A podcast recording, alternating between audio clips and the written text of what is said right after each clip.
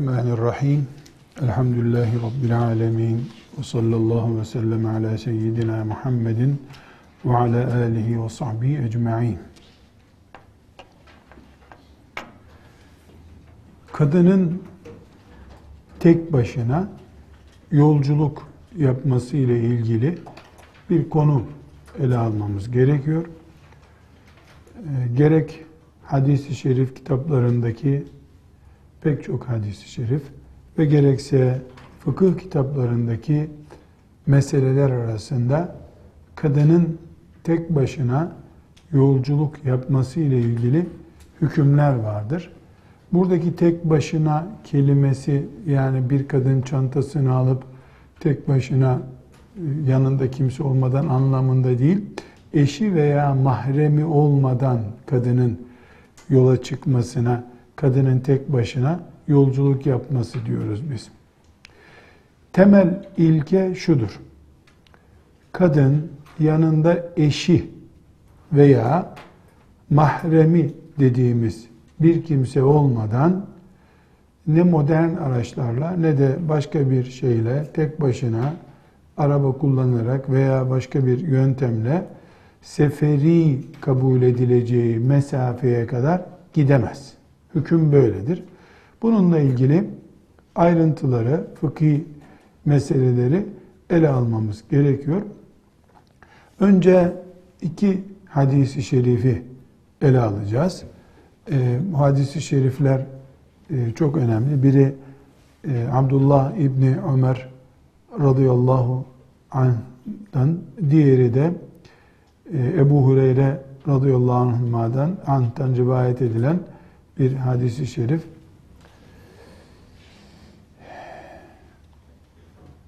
Efendimiz sallallahu aleyhi ve sellemin bu hadis-i şeriflerini her ikisini de Bukhari ve Müslim'den nakledeceğiz. Birinci hadis-i şerif Bukhari'de 1086. Müslim'de de 1338. hadis-i şeriftir. Resulullah sallallahu aleyhi ve sellem Efendimiz La tusafiril mar'atu selasete eyyamin illa ma'zi mahramin buyurmuş. Kadın mahremi olmadan üç günlük yola çıkmasın buyuruyor.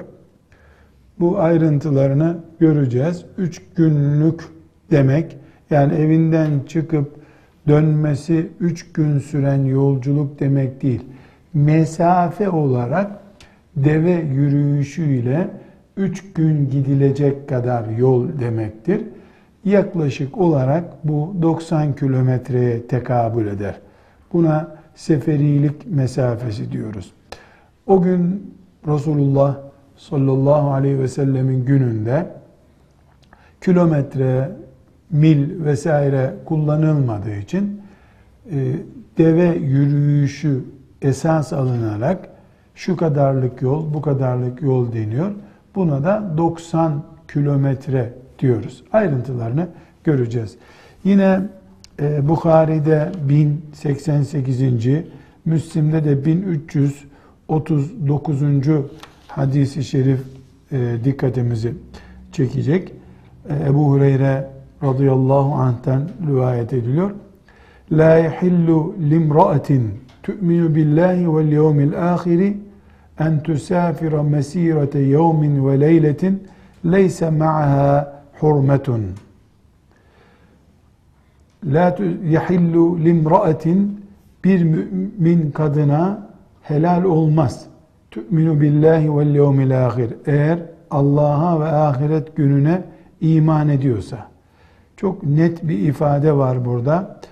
Allah'a ve ahiret gününe iman eden bir mümin kadına helal değildir. Ne helal değildir?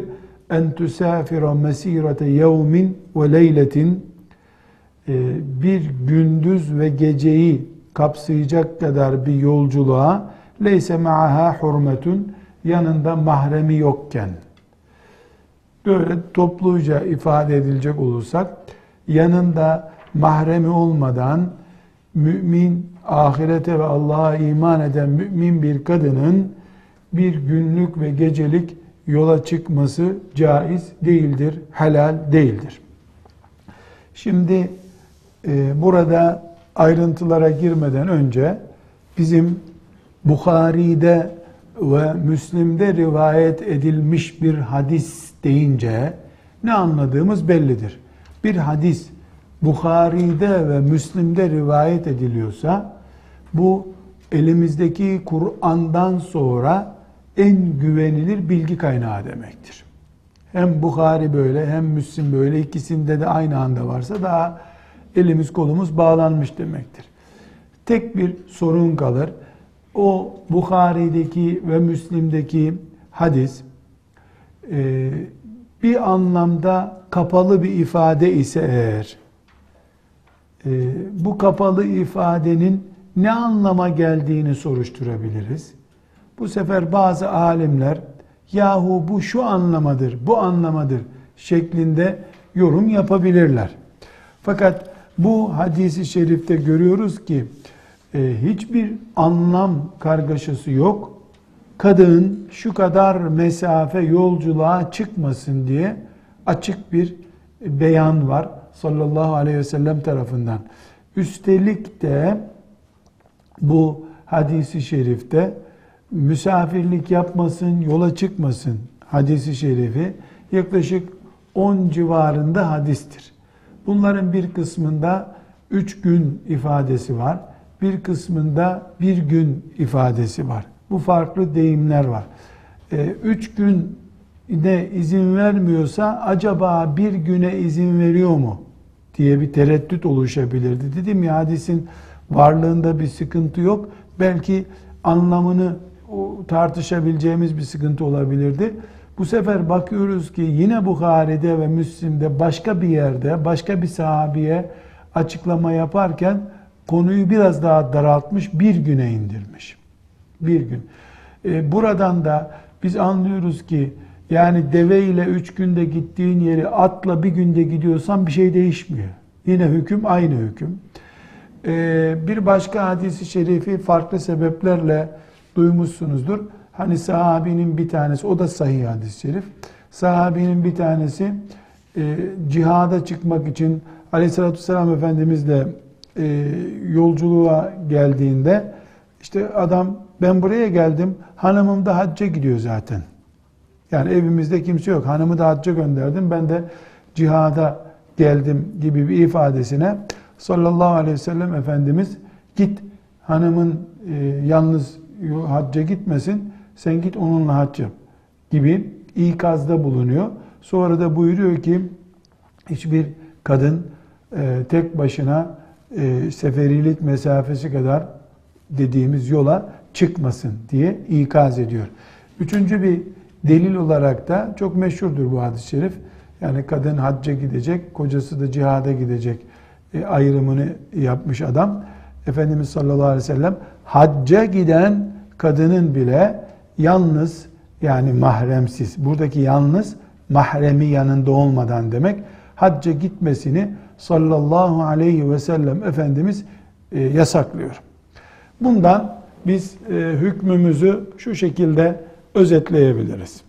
Elimizde hadisi şerifler var. Evet, ayet yok bu konuda ama ayetin itaat edin dediği Peygamber sallallahu aleyhi ve sellemin hadisi şerifleri var. Bu nedenle fukahamız e, şu şu şu şu şu diye bütün mezheplerinde, bütün müştehitler nezdinde e, koyduğu kural şudur. Kadın mahrem yanında yokken seferilik mesafesine gidemez. Kanun bu. Bunun fıkıh ayrıntıları var. O ayrıntıları e, inşallah konuşacağız. Önce e, başka bir e, konuyu açmamız fayda açmamızda fayda var. Mahrem ne demek? Mahrem. Kadının mahremi kim? Mahrem olmayanı kim? Farklı başlıklarla defalarca karşımıza çıktı bu. Mahrem bir kadının mahremi onunla hiçbir şekilde evlenemeyeceği erkek demektir. hiçbir şekilde evlenemeyeceği erkeğe mahrem denir. Kadının bu şekildeki mahremi ya soydan kaynaklanır yani e, anne baba beraberliğinden, nesepten kaynaklanır ya da evlilik ilişkisinden kaynaklanır veya süt emmekten kaynaklanır. Bir kadının üç sebepten dolayı mahrem erkekleri olur. Bu nesepten dolayı yani bir insanın yaratılış soyundan dolayı olması ne demek? Baba. Baba, mahremi. E başka kim? E başka kendi oğlu, kardeşi, dayısı, amcası, dedesi, yeğeni insanın, kadının mahremleridir. Ee, evlilik ilişkisinde mahrem nasıl oluyor? Kayınpederler. Yani kayınpederi e, ve kocasının e, başka kadından doğma çocukları yani üvey çocuğu mahremi diyelim. Peki e, süt ilişkisi nasıl oluyor? Süt de bir insanın tıpkı doğduğu anne ve babasından olan yakınlıklar neyse süt emdiği kadından dolayı da sanki o kadından doğmuş gibi kabul edeceğiz. Mahrem konusunda bu müstakil bir şekilde ele alınacak. Mahremler diye bir başlık açacağız. Orada ele alacağız bunu. Ama şimdilik e, mahrem kelimesi bu yolculuk konusunda bize lazım olduğu için bilmemiz gerekiyor. Mahrem ya nesepten kaynaklanan veya evlilikten kaynaklı nikah yani nikahtan kaynaklanan ya da süt emmekten kaynaklanan ebedi yasaklanmadır. Bir de geçici yasak söz konusu olabilir. Ee, yani bir erkeğin mesela baldızıyla evlenmesi geçici haramdır. Baldızla evlilik geçici haramdır. Kadın nikahlı iken birisiyle bütün erkekler onun geçici yasağıdırlar. Ama boşandıktan ve iddeti bittikten sonra e, erkek onu mesela kaynı yani kocasının erkek kardeşi bir kadına haramdır. Niye haramdır? E, bir erkeğin nikah altında olduğu için. E, mesela kocası onu boşadı veya öldü. İddeti bittikten sonra kocasının kardeşiyle evlenebilir mi? Hiçbir sakıncası yok. Evlenebilir. Dolayısıyla bir e, kayın dediğimiz mesela kayın e, veya bir başkası nikahlı olduğu için bir erkekle ona haramdır. O nikah bir sebeple bittikten sonra helale dönüşür. Dolayısıyla onun mahremi değildir. Kayınpeder mahremdir. Yeğen, öz yeğen mahremdir. Ama yeğeninin e, kocası mahrem değildir. Veya e, bir başka e, örnek işte yoğun bir şekilde veriyoruz. E, kayınlar yani kocanın erkek kardeşleri asla mahrem değildir. Bir Müslüman kadın seferilik mesafesine kadar e, çıkabilme, yola çıkabilmesi için kadının yanında ya kocası olacak veya babası olacak, mahremi birisi olacak. E, bu mahrem işte kimdir? Kardeş mesela. Mesela yeğen olacak. Aksi takdirde kadını, kadının uzun bir yola çıkması haramdır. Haramdır. Bu haram kelimesi içki haramdır derken nasıl haram diyorsak e, zina haramdır derken halvet haramdır derken nasıl haramdır diyorsak öyle bir haramdır. Yani haramın e, beyazı karası yok. Evet haramların da şiddetle haram olanları var. O şiddette olmayan haramları var. İşte kebair günahlar dediklerimiz var. Şüphesiz, şüphesiz kadının İstanbul'dan Ağrı'ya yani 90 kilometreden daha uzun bir mesafeye tek başına bilet alıp gitmesi veya arabasına binip tek başına e, araba kullanıp gitmesi e, Allah'ın haramlarından bir haramdır. Çünkü hadis-i şerif ne demişti? La yehillu limra'atin tu'minu billahi vel yevmil ahire demişti.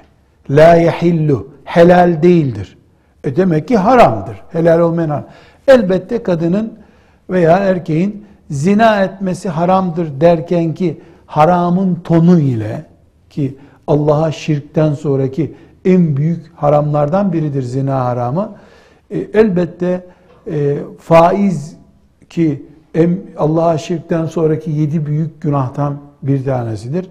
Elbette kadına zina iftirasında bulunmak ki en büyük yedi günahtan bir tanesidir. Onunla bu şekilde yalnız yola çıkma, hal, e, halvet yapma veya kadının tek başına seferlik mesafesine çıkması aynı düzeyde değil ama haram. Haram. İşte çağın gereği bunu yok saysak olmaz mı diyeceğimiz bir mekruh filan değil. Mekruhlar üzerinde e, şöyle böyle bir esneme belki yapılabilir. Yeri geldiğinde mekruha, mekruh olmasına rağmen e, bu yapılabilir denir ama haram dendikten sonra buna denemez. Şu var bir de yani Hanefi fukahası haram demiştir. Şafii fukahası da haram demiştir. E, Hanbeli fukahası da haram demiştir. Maliki fukahası haram dememiştir. Böyle bir senaryo düşünelim. Bu konuyla böyle bir bağlantı yok. Çünkü bu konuda şu fakih bu fakih diye bir şey yok. Hepsine göre haram çünkü açık hadis-i şerif var ortada. Ve hadis-i şerif hem sahih hem de çok sarih. Açık hadis yani tartışılacak bir bölümü yok. Sağlam hadis ve tartışılacak bir bölümü yok. Dolayısıyla filan mezhep kalkıp buna rağmen böyle bir şey diyemez. Farklı hükümler çıkar. Biraz sonra çıkaracağız ama e, kadının tek başına yolculuk yapması filan mezhebe göre haram değildir denemez. Böyle bir şey olamaz. Ama hatırlayın kadın aybaşı halindeyken veya genç kız aybaşı halindeyken Kur'an okuyabilir mi, hafızlık yapabilir mi diye bir konu aybaşı ile ilgili hükümleri incelediğimiz zaman ne demiştik? Ee, İmam Şafii'nin mezhebinde haram demiştik. Ebu Hanife'nin mezhebinde haram demiştik.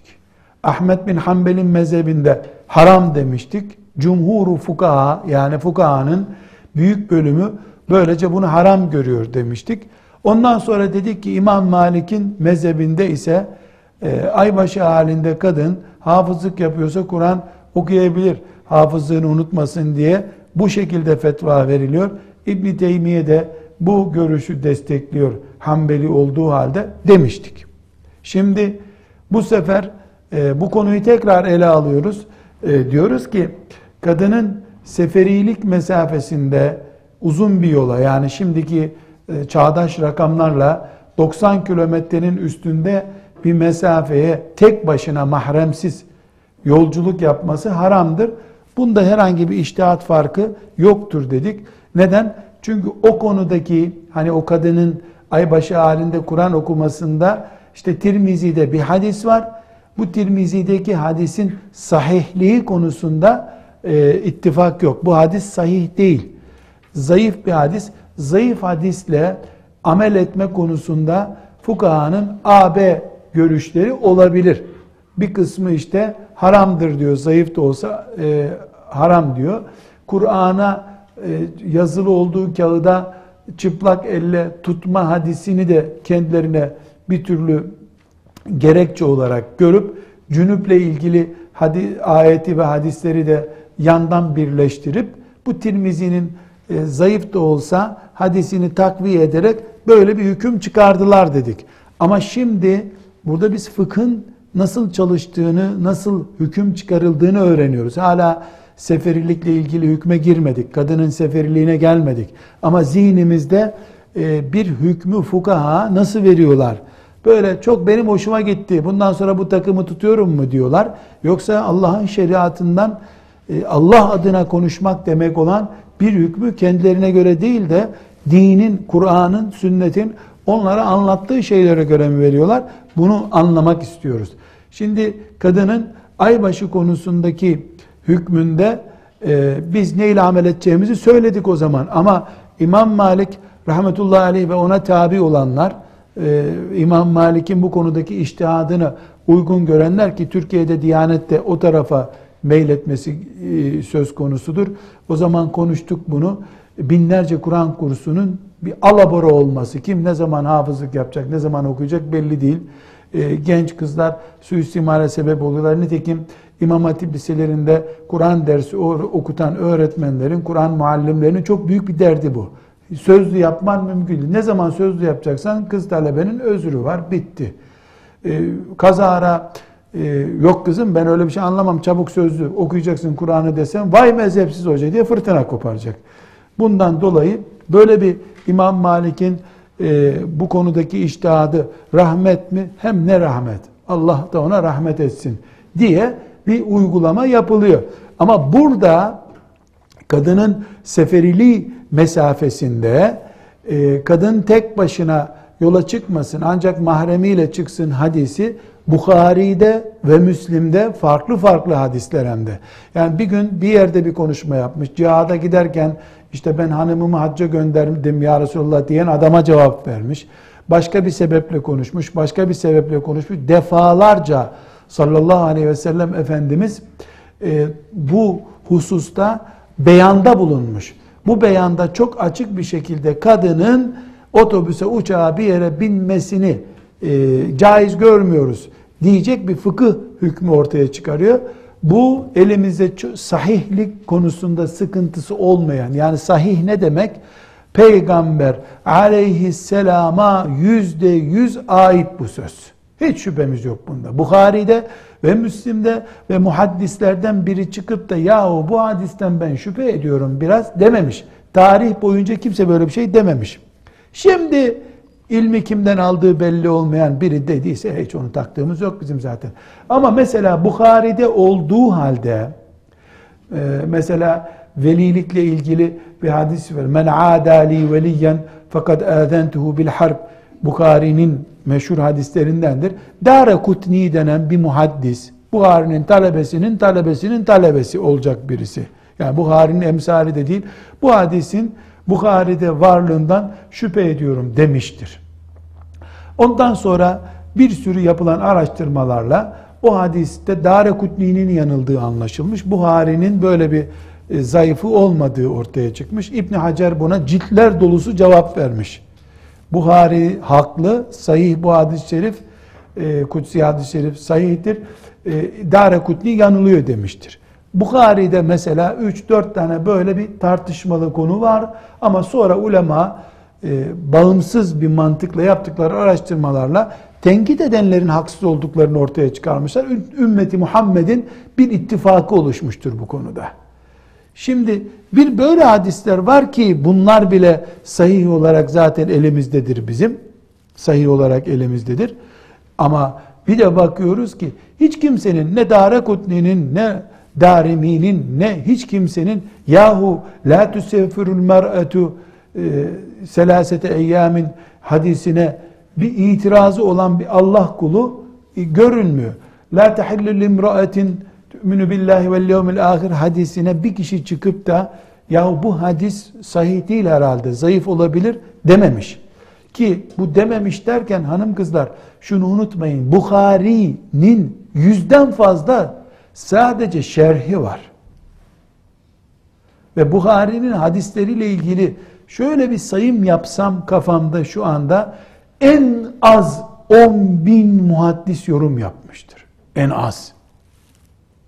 Ve bunların her biri Allah adına hüküm veren, konuşan, fetva veren insanlar öyle bizim gibi çömezler olup iki tane satır okuyup da kameranın karşısına çıkan insanlar değil bunlar. Gecelerini teheccüdle geçirip gündüzlerini cihatla geçiren insanlar. Bizim gibi sonradan devşirme değil. İlmi e, özünden yakalamış, nübüvvet asrına daha yakın insanlar. Bunlar çıkıp da e, bu hadisten ben tereddüt ediyorum hiç dememişler. E, hala bakın hala kadının yolculuğu ile ilgili meseleye gelmedik. Bir hükmü fukaha nasıl derliyor? Nasıl bizim önümüze haram derken vallahi Ebu Hanife Bağdat'ta yaşadı ya şimdi. Bağdat'ta da herhalde bunlar sempatik değildi. Onun için bize de uygun görmediler. Böyle demiyoruz. Öyle diyen fakihe biz fakih demeyiz zaten. Kendi zevkine göre hüküm veren fakih değil, ilimden geçinen beş kuruş etmez bir adamdır. Fakih, Allah'ı ve peygamberini ölçü alarak konuşan insandır. Yöresinden etkilenen fakih değil, memurdur. Memur işte kanunlardan, yöreden, soğuktan, sıcaktan etkilenip konuşuyor. Fukahamız Allah onlara rahmet eylesin hata etmişlerdir. Ama zevklerine göre hıyanet denecek bir hata yapmamışlardır. Allah onlara rahmet eylesin. Şimdi net bir cümle kullandık. Elimizde hadis-i şerifler var. Bu hadis-i şerifler kadınların yolculuğunu yasaklıyor. Bitti, bitti. Daha İmam-ı Azam'a filan soru sormaya gerek yok. İmam Malik ne diyor bu acaba? Ne yapacağım ben İmam Malik ya? Ne yapayım Ebu Hanife? E, Resulullah var burada sallallahu aleyhi ve sellem. Ama Kur'an-ı Kerim içkiyi, alkolü zehir zemberek haram saydığı halde içkinin, alkol denen şeyin soframızda olabileceği pozisyonlar da bulunuyor. İlaç kutumuzun içinde bulunabiliyor. Yahu el hamru vel meysir ayeti nerede? Hani el hamru vel meysir alkol ve kumarı haram eden ayet bir dakika diyoruz. Bu böyle haram ama dinimiz uçuk bir din değildir. İnsanın hayatında kaldıramayacağı şeylere göre esniyen bir dindir. Allah'ın alkolle ilgili kanunu yüzde bin haramdır. Bitti. Ama la yükellifullahu nefsen illa vus'aha. La yükellifullahu nefsen illa vus'aha. Allah herkese kaldırabileceği kadar din yüklüyor. Yuridullahu bikumul yusra ve la yuridu bikumul usr. Allah size kolaylık istiyor, zorluk istemiyor. Bu da Kur'an'ın ayeti. Mümin can burasına geldiği zaman alkol de kullanır. En necis hayvan olan domuz etinden de yer. Peki yahu çok zor bu. Yataktan üşeniyorum kalkmaya çok zorlandım mı demek bu? Eh kaç kuruşluk müminsen o kadar. İnsan var. Can boğazına geldiği halde biraz daha sabredeyim der. İnsan var. E, çok üşüdüm diye baharda sobayı yakar. İman meselesi. Yarın mümin Rabbinin huzuruna çıkıp hesap vereceğine göre zorlandı mı, kolaylandı mı kendi düşünür onu. Ama fukaha ne yaparlar? Ap açık Kur'an ayeti bulunduğu halde, ap açık hadis-i şerif bulunduğu halde zorluk bölümünü ayırırlar onun. Yolculuk içinde bu kural geçerlidir. Kadının yolculuğunu konuşuyoruz. Şimdi hanımefendiler e, kadının tek başına yani mahremsiz demek tek başına. Yoksa kızını yanına alsa bir şey değişmiyor. Mahremsiz, yanında mahremi veya eşi yokken yolculuğunu konuşuyoruz. Yolculuğu üçe ayırmamız lazım. Bir insan, kadın olsun erkek olsun, üç türlü yolculuk yapar.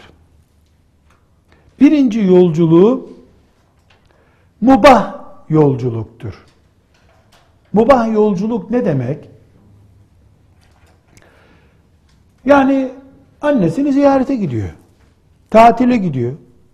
Bir insanın erkek veya kadın tatile gitmesi nedir? Mubahtır. Akrabalarını ziyarete gitmesi mubahtır. Nedir bu mubahlık? Nedir mubahlık? Serbest demek. Öğlen yemeği yemek veya yememek serbest bir konudur. Sekizde mi yatacaksın, sekiz buçukta mı yatacaksın? Mubah bir konudur.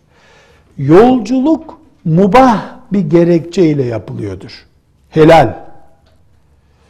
İstanbul'dan Kars'a A, B, C, D hangisi olursa olsun helal olan bir sebeple gidiyor. Bu yolculuk helal bir yolculuktur. İşte kadının helal olan bir yolculuğa ki bu birinci çeşit yolculuk çıkması haramdır. Tek başına.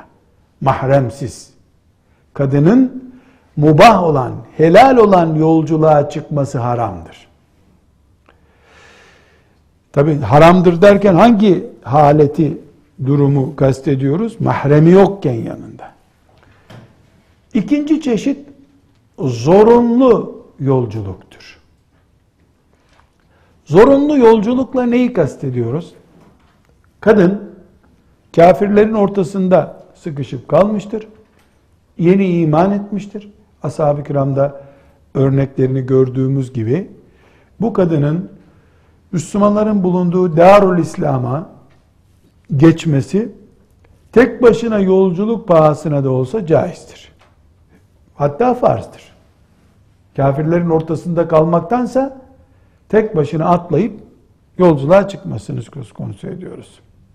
Tabi Almanya'da kafirlerin ortasında tek başına kalan bir kadın atlayıp İstanbul'a gelsin diyoruz ama İstanbul'dan Almanya'daki akrabalarını ziyarete giden kadının yolculuğuna ne demiştik? Mubah bir yolculuktur, sana haramdır demiştik. Almanya'ya akraba ziyaretine gidilir, yanında mahremin varsa. Yolculuk demek ki üç çeşit dedik. Birincisi, Müslüman bir insanın günlük hayatının gereği yapacağı yolculuk buna mubah deniyor. Mubah bir yolculuğa mahremsiz çıkması haramdır. İkincisi zorunluluktan kaynaklanan yolculuk. işte kafir bir topraktan geçiyor. Bu zorunluluğun başka versiyonları da olabilir. Ne olabilir mesela? E, kadıncağız e, çok yoğun bir ağır hastalığa yakalanmıştır. E, bu hastalık ancak İstanbul'da e, tedavi edilebiliyor. Uçağa atlayıp İstanbul'a gelmesi lazım. E, uçağa atlayıp gelmesi mesela gel eşine oğluna gelin beni İstanbul'a götürün dese 24 saat geçecek. 24 saat beklemesi mümkün değil hastalığın. Bu bir zorunluluk. Atlayıp gelir. Atlayıp gelir. Veyahut da ciddi bir mahkemede şahitlik yapması, işte eşini, oğlunu mahkemede hapse girmekten kurtarması için acilen uçağa, otobüse atlayıp gitmesi lazım. Ee, mahkemeye siz gelin ağrıya ben gelemem diyecek hali yok. Atlar gider. Zorunluluk. Peki bu zorunluluk kaç kilogram olması lazım? Kaç metre olunca zorunluluk oluyor? İman ve sen. İkisinin ortalamasına zorunluluk deniyor. İman, sen ve ortaya çıkan sorun. Bunların arasında hamur yapıyorsun, fırına koyuyorsun. Ne çıkıyorsa onun adına zorunluluk deniyor. İmanı pamuk ipliğiyle Allah'a bağlı olan, bugün hava çok bulutlu, ıslanırım İstanbul'a gideyim uçakla demesi gerekir. Hakikaten çok büyük zorunluluk. Hava bulutlu çünkü.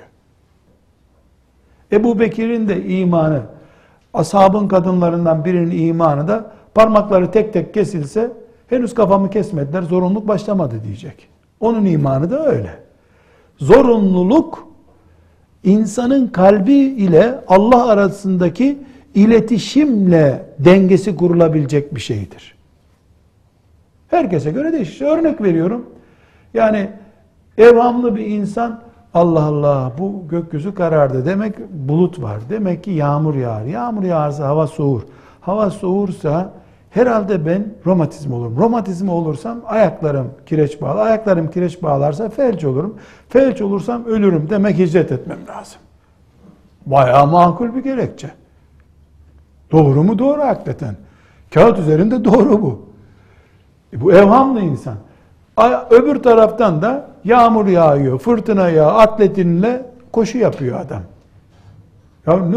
E daha vücudumu ısıtıyorum diyor. Üstelik de yağmur beni daha aktif hale getiriyor diyor. İkisi de insan.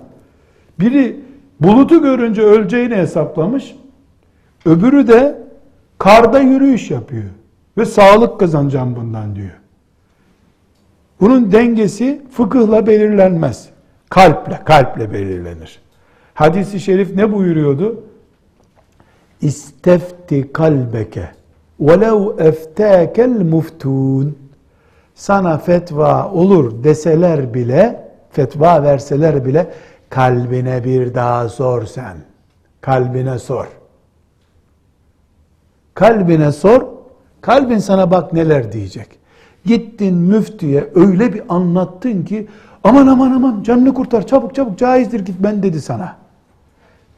Gittin dedin ki ölüyorum. Doktor dedi ki sen yaşamazsın acil İstanbul'a yetiş. Hemen gitti. Caizdir. Uçağa da bin, trene bin, yürüyerek git, atla git, eşekle git. Neyle gidersen git. Sen anlattığına göre sana fetva verdi. Kalbine sor bakalım gerçekten öyle bir durum var mı? Çünkü kalp Allah'ın nazargahı.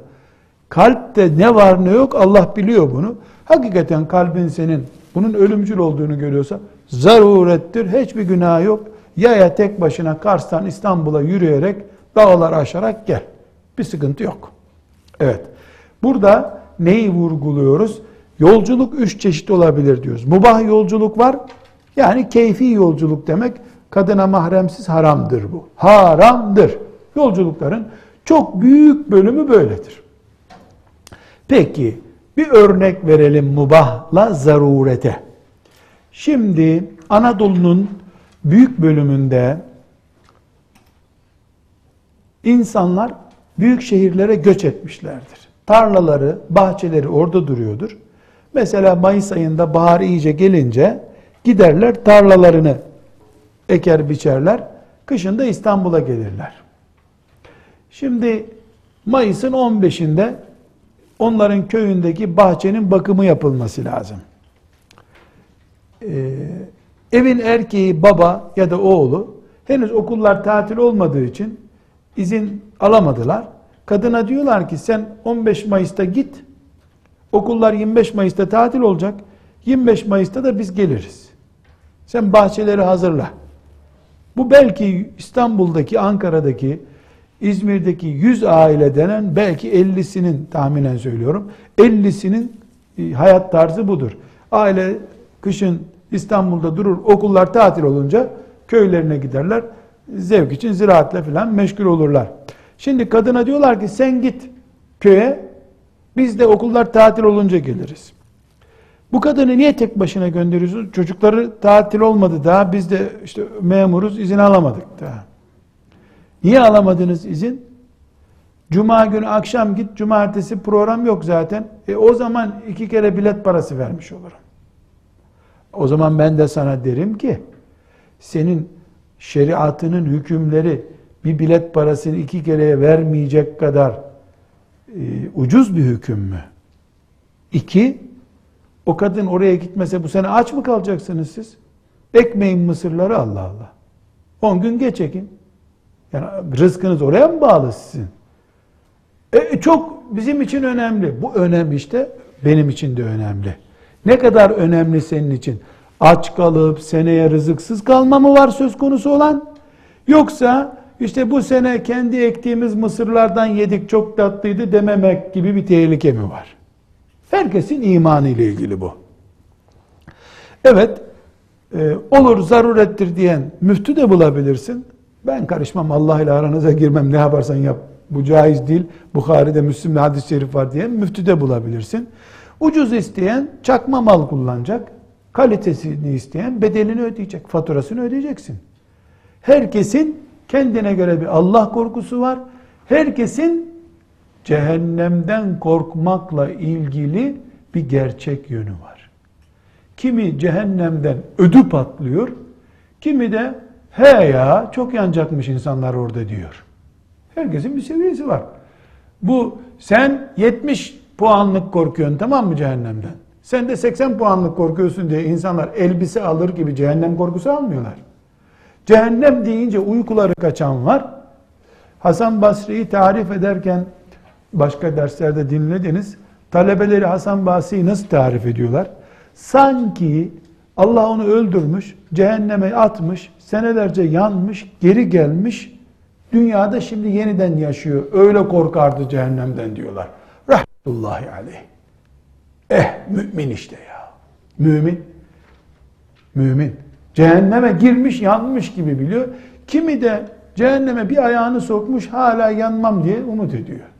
E, bu iman meselesi. Evet. Üçüncü yolculuk çeşidi de ibadet maksatlı yolculuklardır. Asıl mesele burada. İbadet maksatlı yolculuklar farz bir yolculuk olabilir. Nedir farz yolculuk? Hac. Hac. Kadına hac farz olmuştur. Malı var kadının. Hacca gitmesi gerekiyordur. Vacip bir yolculuktur. Sünnet yolculuk olur.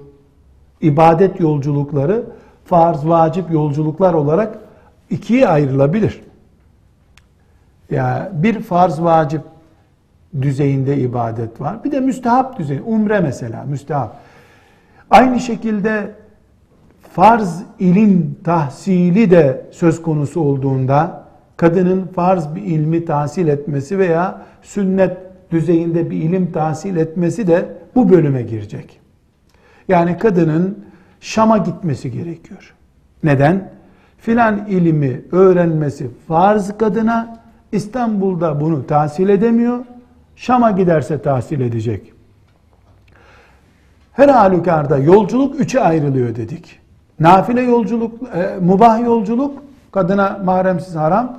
Zorunlu yolculuk, sıkıntı yok. Zorunluluğa boyutlar getirdik. İbadet maksatlı yolculuk, en başta hac olmak üzere ilim ve benzeri faaliyetler için yapılacak yolculuklar. Burada mesele tıkandı geldi. Asıl sorun burada zaten. Çünkü öbüründe yani birinci ve ikinci çeşidinde yolculuğun tartışılacak bir mesele yok. Tartışılacak bir mesele yok. Nedir tartışılacak bir mesele yok? Mubah yolculuk haram bitti. Zaruri helal o da bitti. Fakat ibadet maksatlı yolculuklar var. Bunlar hac olabilir vesaire. Ebu Hanife rahmetullahi aleyhin başını çektiği birinci fukahanın grubuna göre bu hadislerden dolayı hiçbir şekilde hacca veya cihada bir yere gidemez kadın tek başına. Mahremi olmadan 3000 5000 kadın birleşseler gidemezler.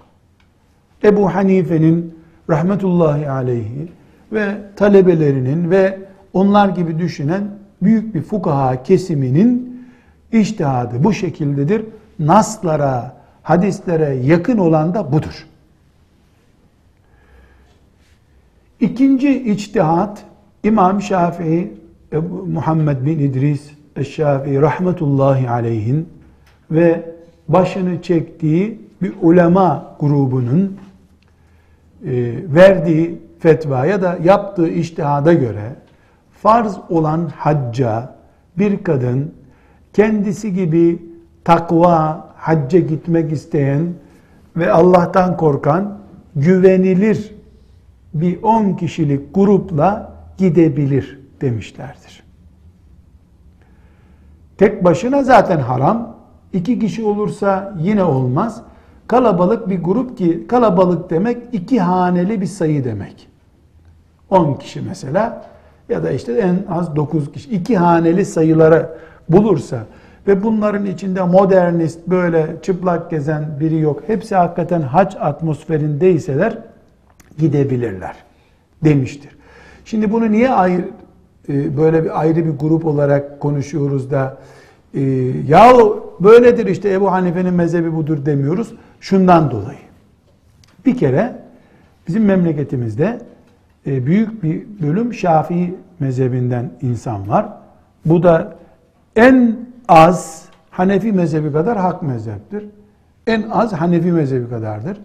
Bu hususta da e, sonradan devşirme bir iştihat değil, ta İmam Şafii'den beraber gelen bir iştihattır bu.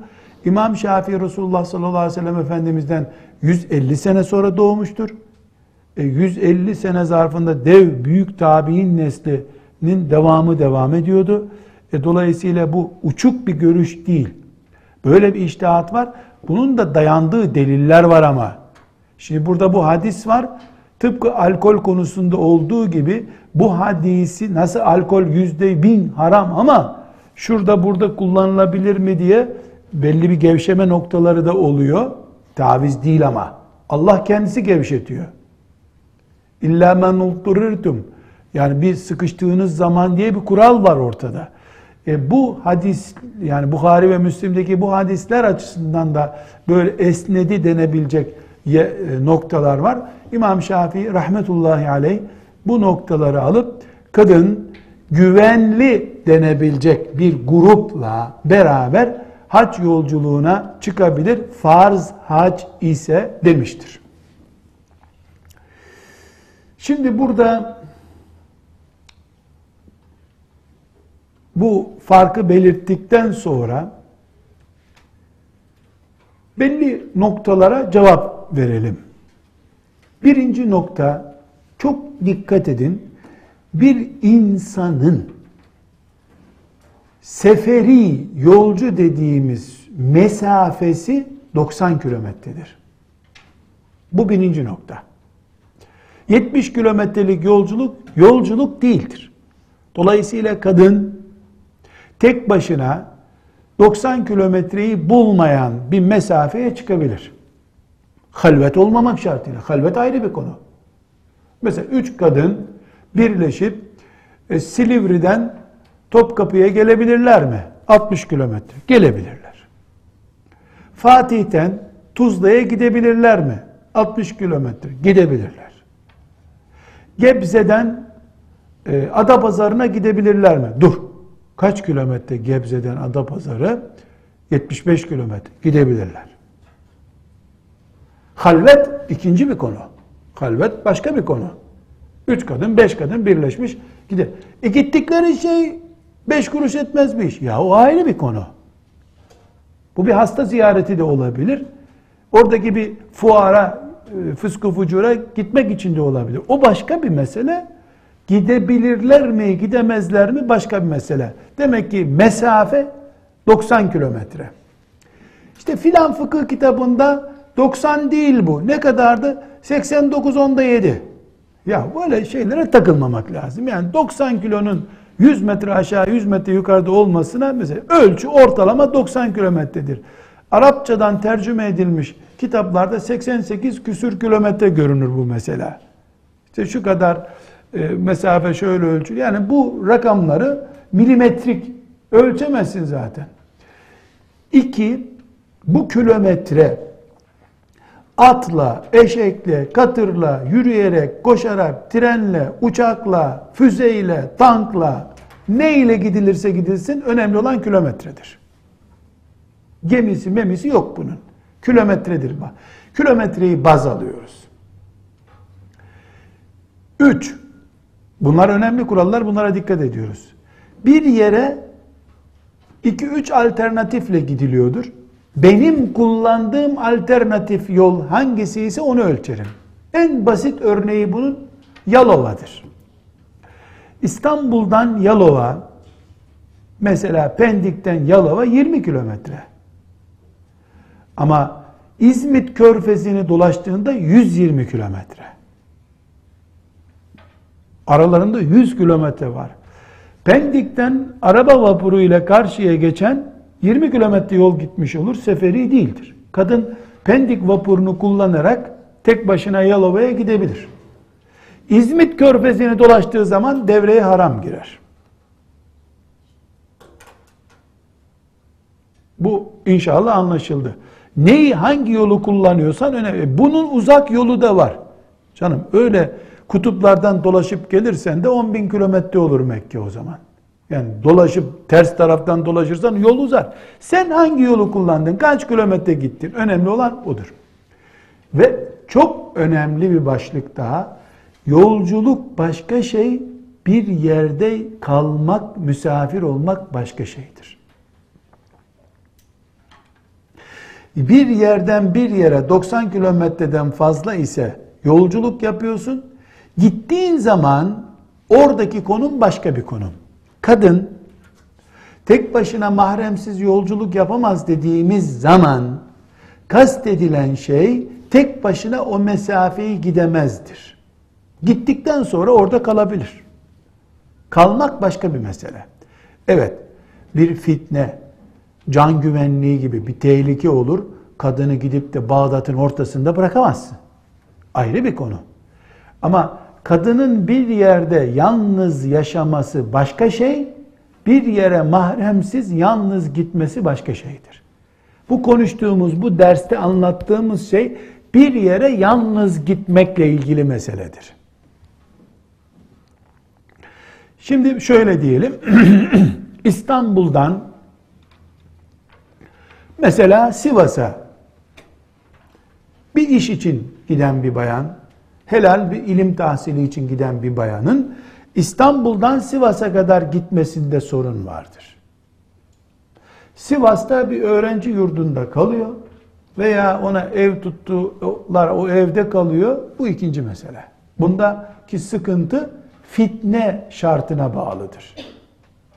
Mesela 20 daireli bir apartman işçilerin, bekarların kaldığı dairelerle dolu. 10 dairede bekarlar, işçiler kalıyor. Bu da gitmiş onların orta katında kendine bir daire tutmuş tek başına.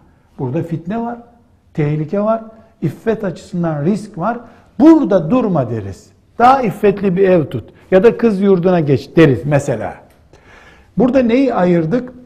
Müslüman bir kadının tek başına bir yolculuğa çıkması başka şey, gittiği yerde kalması başka şey dedik. Buradan tek başına kardeşiyle gider, tek başına gitmemiş olur. Mesela Bağdat'a gider, orada kardeşiyle İstanbul'dan Bağdat'a uçakla gider. Bu yolculuk helaldir. Kardeşi bırakıp onu geri gelir, bir sıkıntı yok. Orada durur o. Hadis neyi yasaklıyor? Bir mesafeye gitmesin diyor. Aksi takdirde ashab-ı kiram kadınlarını işte Küfe'de bırakıp filan diyara 6 aylığına gittiler. Yemen'de hanımlarını bırakıp Mekke'ye Medine'ye geldiler. Gibi bir sürü yani yasak olmayan örnekleri var ashab-ı kiramın yaptığı. Burada e, bir önemli husus da kadının evli olması halinde evli ise kadın yanında mahremi olsa bile yolculuğuna eşinin izni şarttır. Eşinden izin almayan bir kadın oğlunu alarak mesela bir yere gidemez. Oğlu mahrem halbuki, dayısı mahrem. Ama kadının bulunduğu yeri terk etmesi eşinin iznine bağlıdır. Bu da naslarla sabit. Eşinin izni olmadan bir insan, bir kadının bir yola çıkması caiz değil. Burada hanımefendiler İki ayrıntıyı konuşuyoruz. Bunu tekrar vurguluyorum. Kadının yol kat etmesi, kadının bir gurbette bir yerde yalnız kalması bunlar farklı şeyler dedik. Bir mesele daha ele alalım. Ee, bu modern çağda gelişen uçak yolculukları, otobüs yolculukları, bir güven arz ediyor. Eski yolculuklar mesela bir kadının e, İstanbul'dan Trabzon'a gitmesi demek, gecesi, gündüzü hanlarda kalacak, otellerde kalacak, işte ormanlardan geçecek, yapayalnız yollarda berduşlar karşısına çıkacak bir yığın e, sorun demekti. Bu hadis-i şerifler de o günlerde söylendi. Dolayısıyla bir grup alim, muhasır alim, Şimdi böyle bir sorun yok ortada diyorlar. Ee, dolayısıyla bir Müslüman kadın bir otobüse 40 kişilik bir otobüse binip İstanbul'dan Trabzon'a, Trabzon'dan Diyarbakır'a ikinci bir güvenlik sorunu yoksa eğer gidebilir mi? Ee, aynı şekilde e, ilim tahsili veya mubah bir sebeple giderse bir sıkıntı olur mu? E, sorusunu bu asırda yoğun bir şekilde fakihler tartışıyorlar. E, hadisi şerif çok açık ve seçik olduğu için e, önemli bir bölümü fakihlerin otur oturduğun yerde bir yere gidemezsin diye özetleyeceğimiz şeyi söylüyor. Ama Maliki fukahasından nakledilen bir görüş var. Bu zorunlu olarak böyle yolculuk yapanların e, istifade ettiği bir fırsat. Bizim de hocalarımızdan olan Vehbe Züheyli sellemehullah şu anda Şam'da e, kuşatma altında yaşıyor. Allah afiyetini iade eylesin. Onun da tercih ettiği görüş budur. e, kadın uçak gibi, otobüs gibi toplu bir güven veren e, araçlarla e, ilim gibi bir maksatla güven ortamı sağlanmışsa yolculuk yapabilir diye. Mesela bu güven ortamı nedir? Beş kız birleşmiş gidiyorlar ve yan koltuklarına da erkek oturmuyor. Uçakta da aynı şekilde erkek kadın e, ayrımı koltukta sağlanmış. E, indiği zaman orada da otobüs arayacak, işte gece yarısına rastladı, otobüs nasıl bulacak diye bir sorun yok. İner inmez de e, güvenli var. Bu şekilde bir fetva vardır. Bu fetva bir, bütün ulemanın ittifak ettiği bir fetva değildir. İki, bir yığın şarta bağlanmıştır. Şu şart, bu şart, şu şart gerçekleşirse deniyor. Burada demek ki bir kalp itminan meselesi var. Bir baba 18 yaşında kızını güvenlidir diye uçağa koyup İstanbul'dan Diyarbakır'a gönderiyorsa böyle bir fetva veren biri yoktur. Ama 10 tane kız e, bir otobüse binip beraberce bir ilim yolculuğu için, bir e, faaliyet için gidiyorlarsa bunun için bir söz konusu vardır. E, uçağın güvenliği, otobüsün güvenliği biraz önce söyledim. Herkesin kalbi var, herkesin Rabbi var. Bunların arasında çözülecek bir sorundur bu. Burada şöyle bir mesele var. Deniyor ki bu asırda e, çok rahatlamıştır sistem. Eski huzursuzluklar, korkular yok. E, ben çok yolculuk yapıyorum. Hiçbir uçak yolculuğunu o kadar rahat hissetmedim kendimi. Ne otobüste zaten bir kaza olursa parçalarımı kim toplayacak burada diye düşünüyorum. Uçakta kaza olsa da olmasa da nasıl ineceksin? Kimliğin yani Es-seferu kıt'atun minel azab diyor Efendimiz sallallahu aleyhi ve sellem. Yolculuk dediğim bir tür sıkıntıdır. Yolculuk sıkıntıdır. İnsanın yemeği, içmesi, uykusu her şeyinde bir sıkıntı var yolculukta. Bukhari ve Müslim'de rivayet edilen e, Ebu Hureyre hadislerinden bir hadistir bu. Radıyallahu anh. Sıkıntı. Es-seferu kıt'atun minel azab. Yani kadın için de sıkıntı, erkek için de sıkıntıdır. Ama e, bu sıkıntıya biz göğüs gereriz, yeter ki fetva bul deniyorsa meselenin özeti budur. Ve sallallahu ve sellem ala seyyidina Muhammed ve ala alihi ve sahbihi ecma'in velhamdülillahi rabbil alemin.